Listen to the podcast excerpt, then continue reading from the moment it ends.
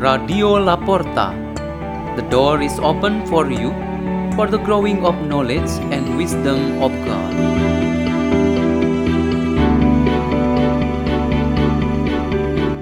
by Peter Tukan SDB, priest of the Salesians of Don Bosco.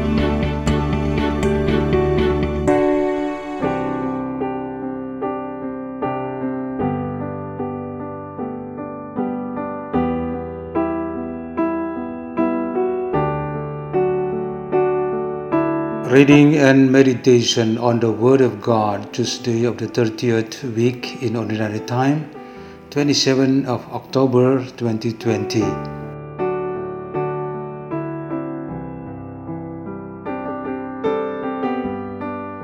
The reading is taken from the Holy Gospel according to Luke. Jesus said, What is the kingdom of God like? To what can I compare it? It is like a mustard seed that a man took and planted in the garden. When it was fully grown, it became a large bush, and the birds of the sky dwelt in its branches. Again he said, To what shall I compare the kingdom of God?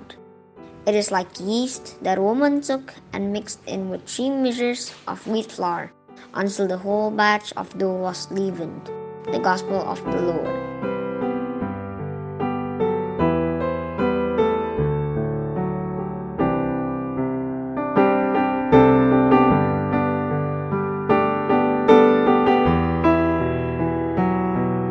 Our meditation today is the theme The Faith of a Mustard Seed. Let us see at Sunday school how every time it is done in its usual room or space in the parish, when the teachers and mentors teach their students on how to pray. Children are trained to make the sign of the cross, join their hands and attach them on their chest, and reciting the prayers such as, In the name of the Father, our Father, Hail Mary. It is obvious for us that the beginning of faith of these children is so small and simple. The same thing had happened also to all of us in the first moment we knew our faith. For Jesus Christ, the small and humble beginning of faith is like a mustard seed. The kingdom of God is manifested in the presence of Jesus Christ, our Redeemer, who reveals himself through various things, objects, and persons. The Almighty Lord's perfect revelation is in the person of Jesus Christ.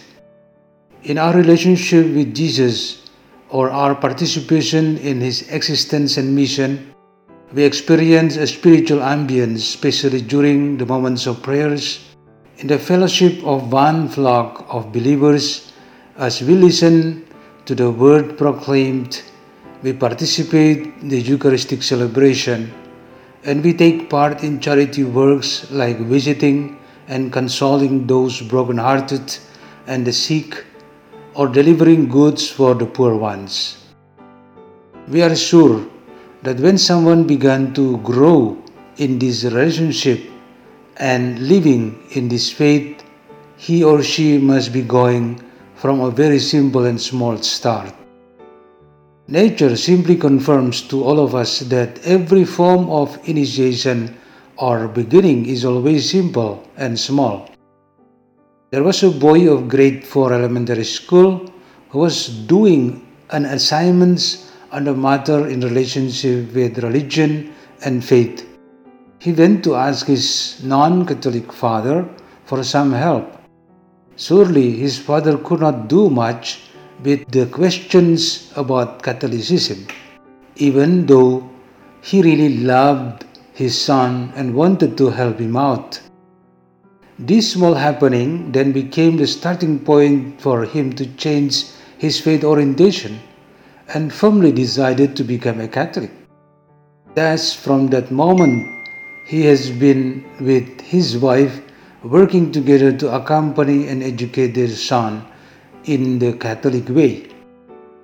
The faith of a mustard seed indeed reveals to us various forms of fact that God and His kingdom really appear to us in such small, simple, and often unconscious way. We need to admit the fact that whatever matter is, it always appears as something consisting of many small and different elements. These elements are often not realized.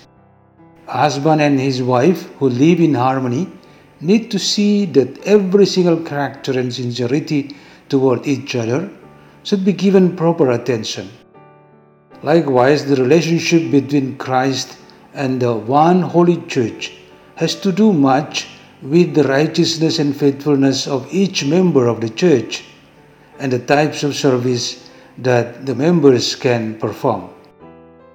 The faith of a mustard seed reminds us of two important things here, namely the process and each element that takes part in it. We need to always be obedient to the process, and every element must participate in that process. These are the very fundamental things in our walk of faith to perfection. Let's pray in the name of the Father and of the Son and of the Holy Spirit. Amen. Our generous and most loving God, accept our expressions of faith when we hear and meditate on your words proclaimed through this reading and meditation. Glory to the Father and to the Son and to the Holy Spirit, as it was in the beginning, is now, and will be forever. Amen. In the name of the Father and of the Son and of the Holy Spirit. Amen. Radio La Porta. The door is open for you.